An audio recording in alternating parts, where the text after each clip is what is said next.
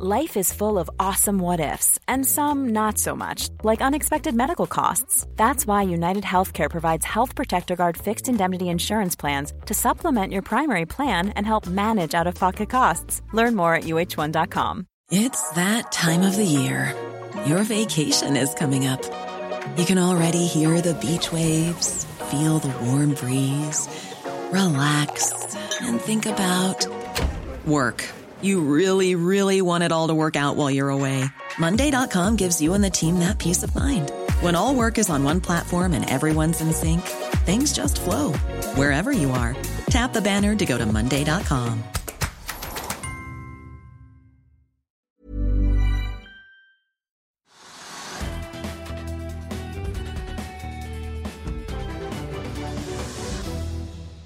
og velkommen til Økonominyhetene. I dag skal vi ha en teknisk analyse av Yara, men først skal vi til Oslo Børs. Der hovedindeksen har beveget seg relativt flatt i dag. Den er ned ca. 0,1% nå, men var opp omtrent like mye for kun kort tid siden. Oljeprisen er ned. Et fat brentspotolje handles nå for ca. 43,5 dollar fatet, og trekker dermed eh, oljerelaterte aksjer som Equinor, Aker BP og DNO med seg litt ned. Og, eh, det har vært en ganske flat utvikling i dag, Trygve, men hva er det viktigste du har sett? Ja, Du er inne på det. Altså, for det første så er da børsen litt ned i dag også. Det har vært to-tre andre dagene før også. Det er, det er, litt ned hele tiden. Tipper litt ned. Det er ingenting som drar børsen opp. Det er liksom ikke store svingninger den ene eller andre veien. Det siger nedover. Og i dag, Det viktigste i dag er jo åpenbart, og det kunne gått verre på Oslo Børs, at oljeprisen betyr ganske mye. Det er jo ned da fra i går og de dagen før, så er, det, er, det ned, er oljeprisen ned 2,5 dollar per fat. Og det er mye normalt. Det skulle slått ganske sterkt. Det har slått ut på Equinor, som du sier, det har slått ut på Aker BP, og så har det også slått ut på DNO, som er ned 5-6% Så oljeaksjene er ned i dag. og kan, Hvis da oljeprisen fortsetter å falle, så vil også de oljerelaterte aksjene, de som er korrelert med oljeprisen, de vil falle. Så, så, det ser litt skummelt ut, og det, det, er nesten det viktigste av det som har skjedd i dag. Ja, for Det kom vel noen etterspørselstall fra USA i går som var uh, litt skuffende, med fall i bensinetterspørselen. Det er vel kanskje noe av det som trekker oljeprisen ned da, i dag? Ja, altså Nå går du kanskje ut av den sesongen hvor alle bilene skal kjøre osv. Så, videre, så det, er liksom blir, litt, blir, det er ikke bilsesong akkurat nå. Det er kanskje ferien ferie på slutten også. Og vi har snakket om det ganske mange ganger her, at olje, altså oljeprisen er avhengig av liksom tidligere etterspørsel. Og hvis da etterspørselen har falt ganske mye, da, man snakker om liksom 10 millioner fat per dag, og, og tilbudssiden har vært ganske stor, og det er lett å skaffe seg olje osv. Så, videre, så så det, det, er ubalanse i markedet. og det er Mange som har sagt at oljeprisen skulle opp og den skulle opp i 50 dollar på fat og 60 dollar på fat. Det er ikke i nærheten. Uh, hvis verden da på en måte, Og, og det, er, det er kontraksjon istedenfor liksom eksplosjon i BNP i landet rundt, så er det nedgang. så det faller, Selv Norge falt fra første til andre kvartal 9% i BNP. Og de faller i nesten alle europeiske land så faller da BNP med 9-10% eller 12 så Det betyr at aktiviteten er lavere. Det betyr at Da trenger man mindre olje til industri, til varme eller til hva det måtte være. og Kanskje kjører man mindre bil. ikke vet jeg. Så, så oljeprisen er i ulage for tiden, og det er ikke, ingen grunn til å tro at det skal opp heller. Men eh, nå er jo Oslo Børs ganske flat. da. Oljeprisen er jo ned, som trekker noe ned. Men i går så var det jo veldig, gode, veldig god stemning på Wall Street. Burde ikke det virke mer positivt inn her hjemme? Jo, normalt er det slik at Hvis det er veldig bra på Wall Street og veldig bra hovedindeksen går opp da, og setter nye all time high, så pleier det å smitte opp Oslo Børs. Men nå gjør det ikke det, for det er såpass mange tror jeg, som er litt forsiktige, fordi de tror liksom at det kan skje noe. at liksom all time high dag etter dag etter dag, Og så plutselig så snur det. For det er, liksom, det er nok. Folk tenker at prisingen er for høy, og selskapene tjener ikke mer per aksje. Men, og, ja, så man er litt engstelig, holder litt igjen. Legger ikke like mye penger på spillebordet. så det altså, De amerikanske børsene betyr ikke så mye nå som de kanskje har gjort tidligere. Nå er man, nå er man avventende. Og så, ja, men, jeg kan jo nevne da, at det er en sånn olje, oljeaksje jeg glemte den i sted. Det er da det er Prosafe, som er da en sånn boligrigg-aksje. Og det er selvfølgelig da, Når man ikke borer så mye, så er det mindre behov for boliger for de som skal bore.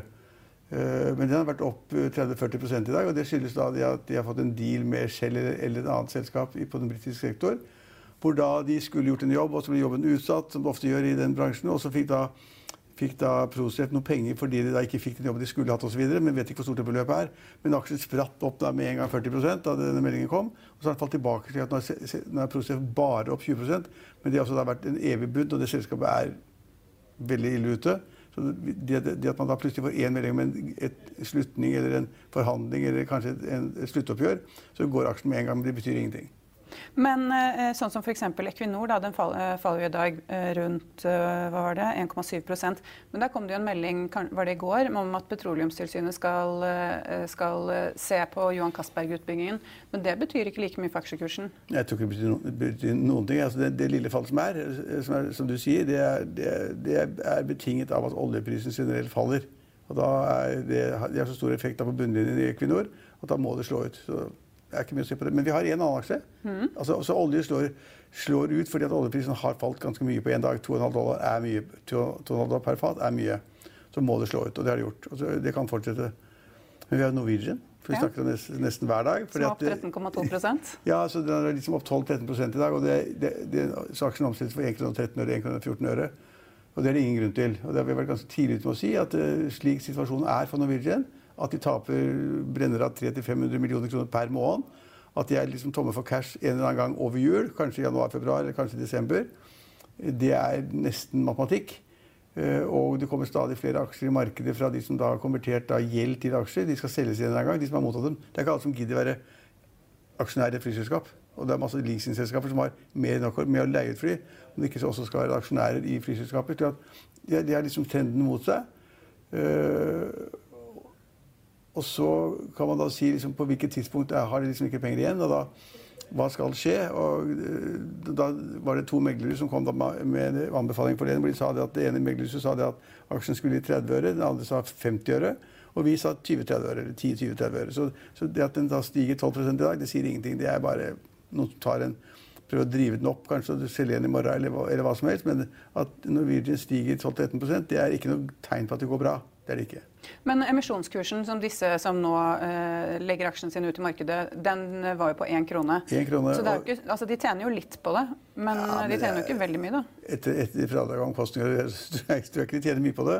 Men det var jo noen som var med helt, altså helt til å begynne med, i den emisjonen på 400 millioner. Tjente 1 krone per aksje, så gikk jo kursen opp en ganske kraftig en periode. Og da var det noen som så at de tjente penger. Det var Spetalen og de miljøet rundt han. Men, eh, men, hvorfor kvitter de, de, seg da med aksjer nå? Altså, De tjener jo ikke noe på det. Er det fordi de venter at den skal falle til 2030? Ja, nå, nå tror veldig mange at aksjen skal falle, for de tror på meglerhusene. De tror kanskje på hva vi sier. Det vet, ikke, det, det vet jeg ikke hva folk sier om det. Men, men akkurat nå så er det, er det sånn spekulative oppganger og fall. Og så ser det ut som det er vanskelig for å gå liksom under én krone. Det er liksom en sånn barriere der.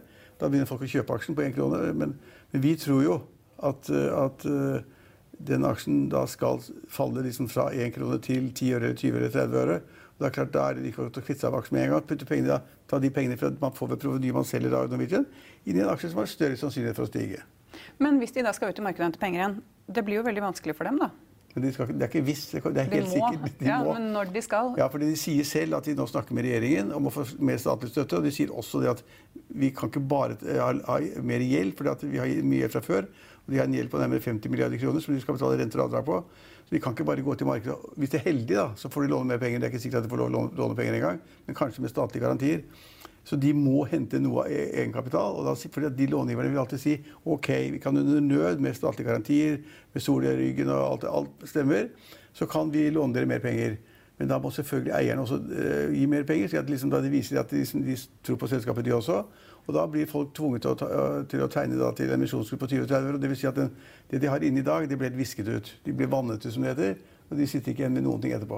Så hvis man går inn i neste emisjon, da, som Norwegian potensielt skal ha, så plutselig så sitter du med et fly som du eier? Ja, du, ja, hvis du går inn med neste emisjon, så får du, så, da får du liksom 1 av 30 milliarder aksjer eller sånn. Så du eier omtrent du eier liksom 0,000 det er bare tull. Så det, man burde ikke være med på neste emisjon. Men uh, har ikke vi snakket om det tidligere? At du mener at man snart kan kjøpe Norwegian for uh, en slik og ingenting? Nei, altså, nå husker jeg ikke akkurat hva market capen er, men den er vel 4-5 milliarder eller noe sånt, og det er ingenting. Mm. Så det er, det er, altså det, er, det, er, trist å si det, for flyselskapet er, det er et bra flyselskap. Men, men, de hadde altså 150 fly eller 156 fly, og nå bruker de 20. Og så er, er det jo ikke sikkert at de får behov for mer. da. Det er altså, hver dag kommer det meldinger om flyselskaper verden over. Er enten bankruptcy eller chapter 11 eller noe annet. Så, så ikke, altså Flyene står på bakken. De skal jo fly. Det er, ikke, det, er, det er, ikke, noe å gjøre. og derfor, derfor, taper alle på driften. De klarer ikke å betjene gjelden sin. De får en ny gjeld, de får en ny egenkapital. Så bare fortsetter og fortsetter. Men man kan stille spørsmålet i hvilket år vil flyselskapene da, i hvilket år vil Norwegian få bruk for de 150 flyene? Og det kan jo ingen si. I beste fall så må de selge 50 eller 100 fly. Men hvem skal kjøpe dem? Når verden er, alle flyplassene i hele verden er altså Hvor du enn tar bildet ovenfra, på flyplasser så står det liksom flyplasser overalt, nei, fly overalt. Så lagret opp.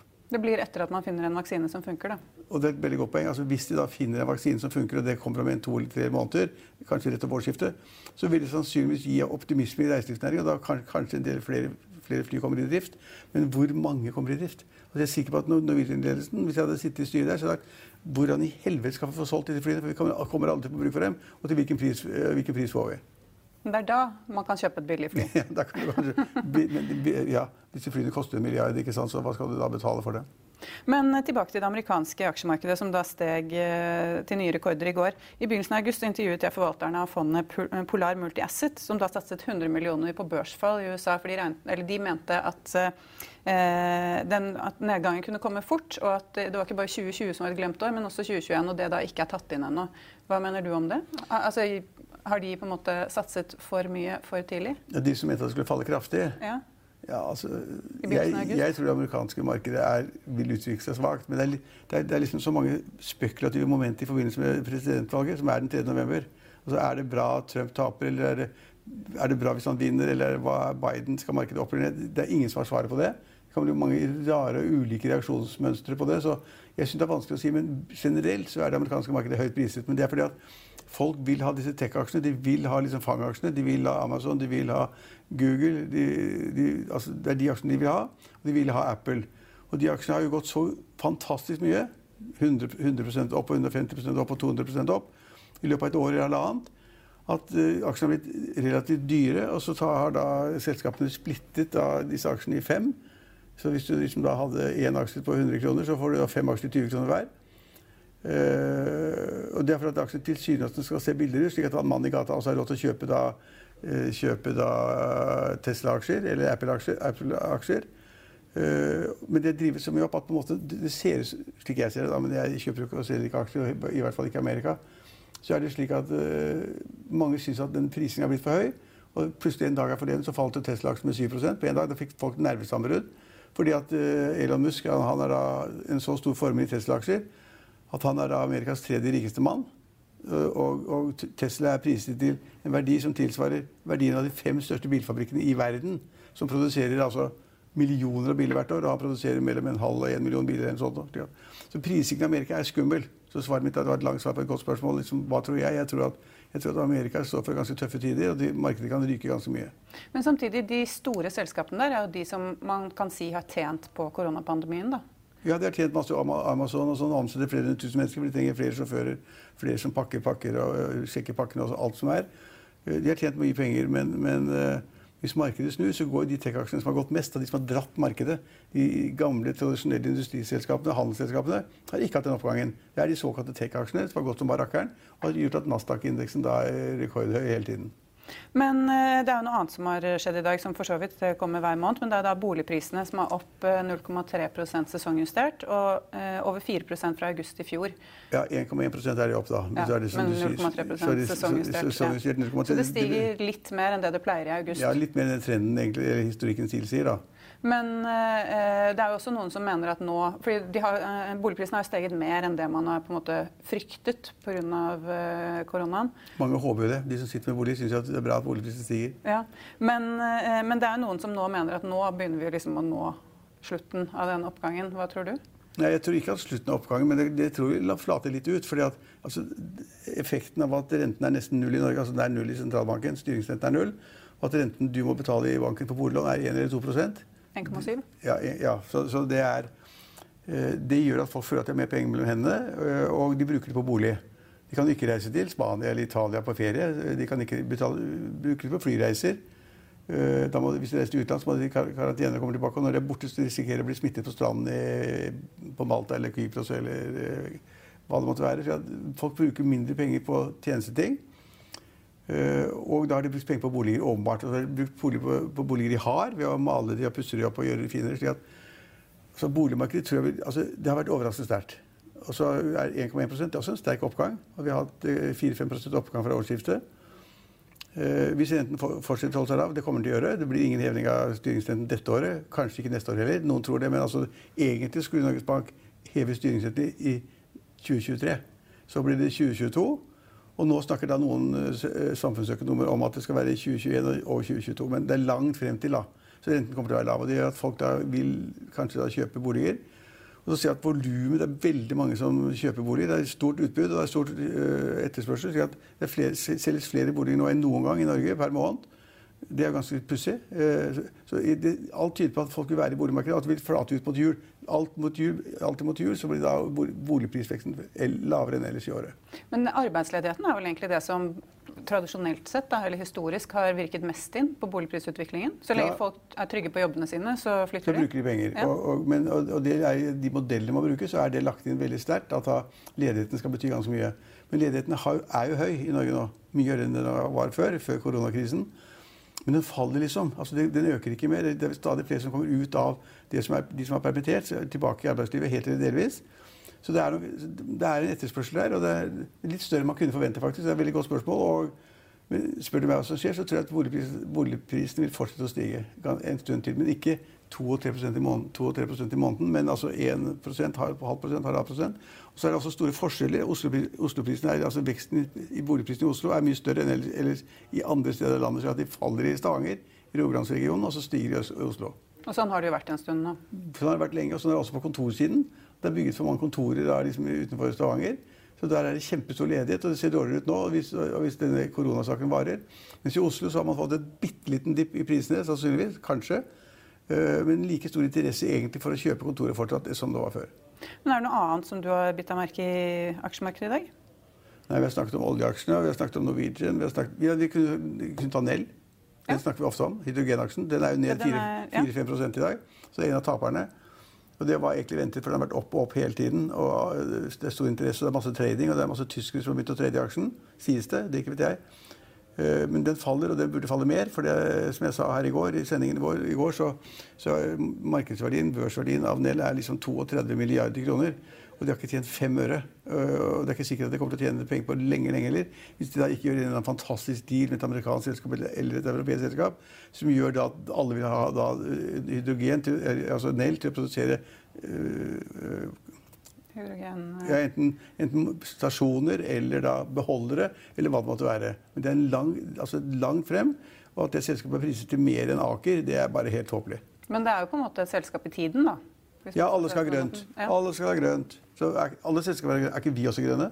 Du, Det vet jeg ikke. Det må du svare på. jeg, fikk et, jeg fikk et tilbud, Det er en helt utrolig historie, faktisk. Det er bare et par dager siden jeg fikk et tilbud fra et svensk selskap som sa at ditt selskap, altså vårt forlag, Hegna Media, vi er da grønne hvis vi bare betaler 20 000 kroner til det firmaet. Ja, da får vi sertifikat da er vi et grønt selskap. Så jeg, nå kan vi si at det er et grønt selskap. Nei, jeg har ikke gått på det, selvfølgelig. Ok, Men jeg sykler, så jeg er grønn. du er grønn, ja. ja. Men uh, da kan vi jo oppsummere med at børsen er uh, ganske flat i dag. Uh, og det er Norwegian og oljeaksjene egentlig som har stått for den største spenningen. Og i Finansavisen i morgen kan du lese Trygve Hegnars leder om kritikken mot Nicolai Tangens lønn i oljefondet. Du kan lese om boligprisene som stiger videre, og du kan lese mer om striden i Wilhelmsen-familien. Og det var det vi hadde i dag. Vi er tilbake i morgen klokken halv to. Vi ses igjen da. Ha det bra.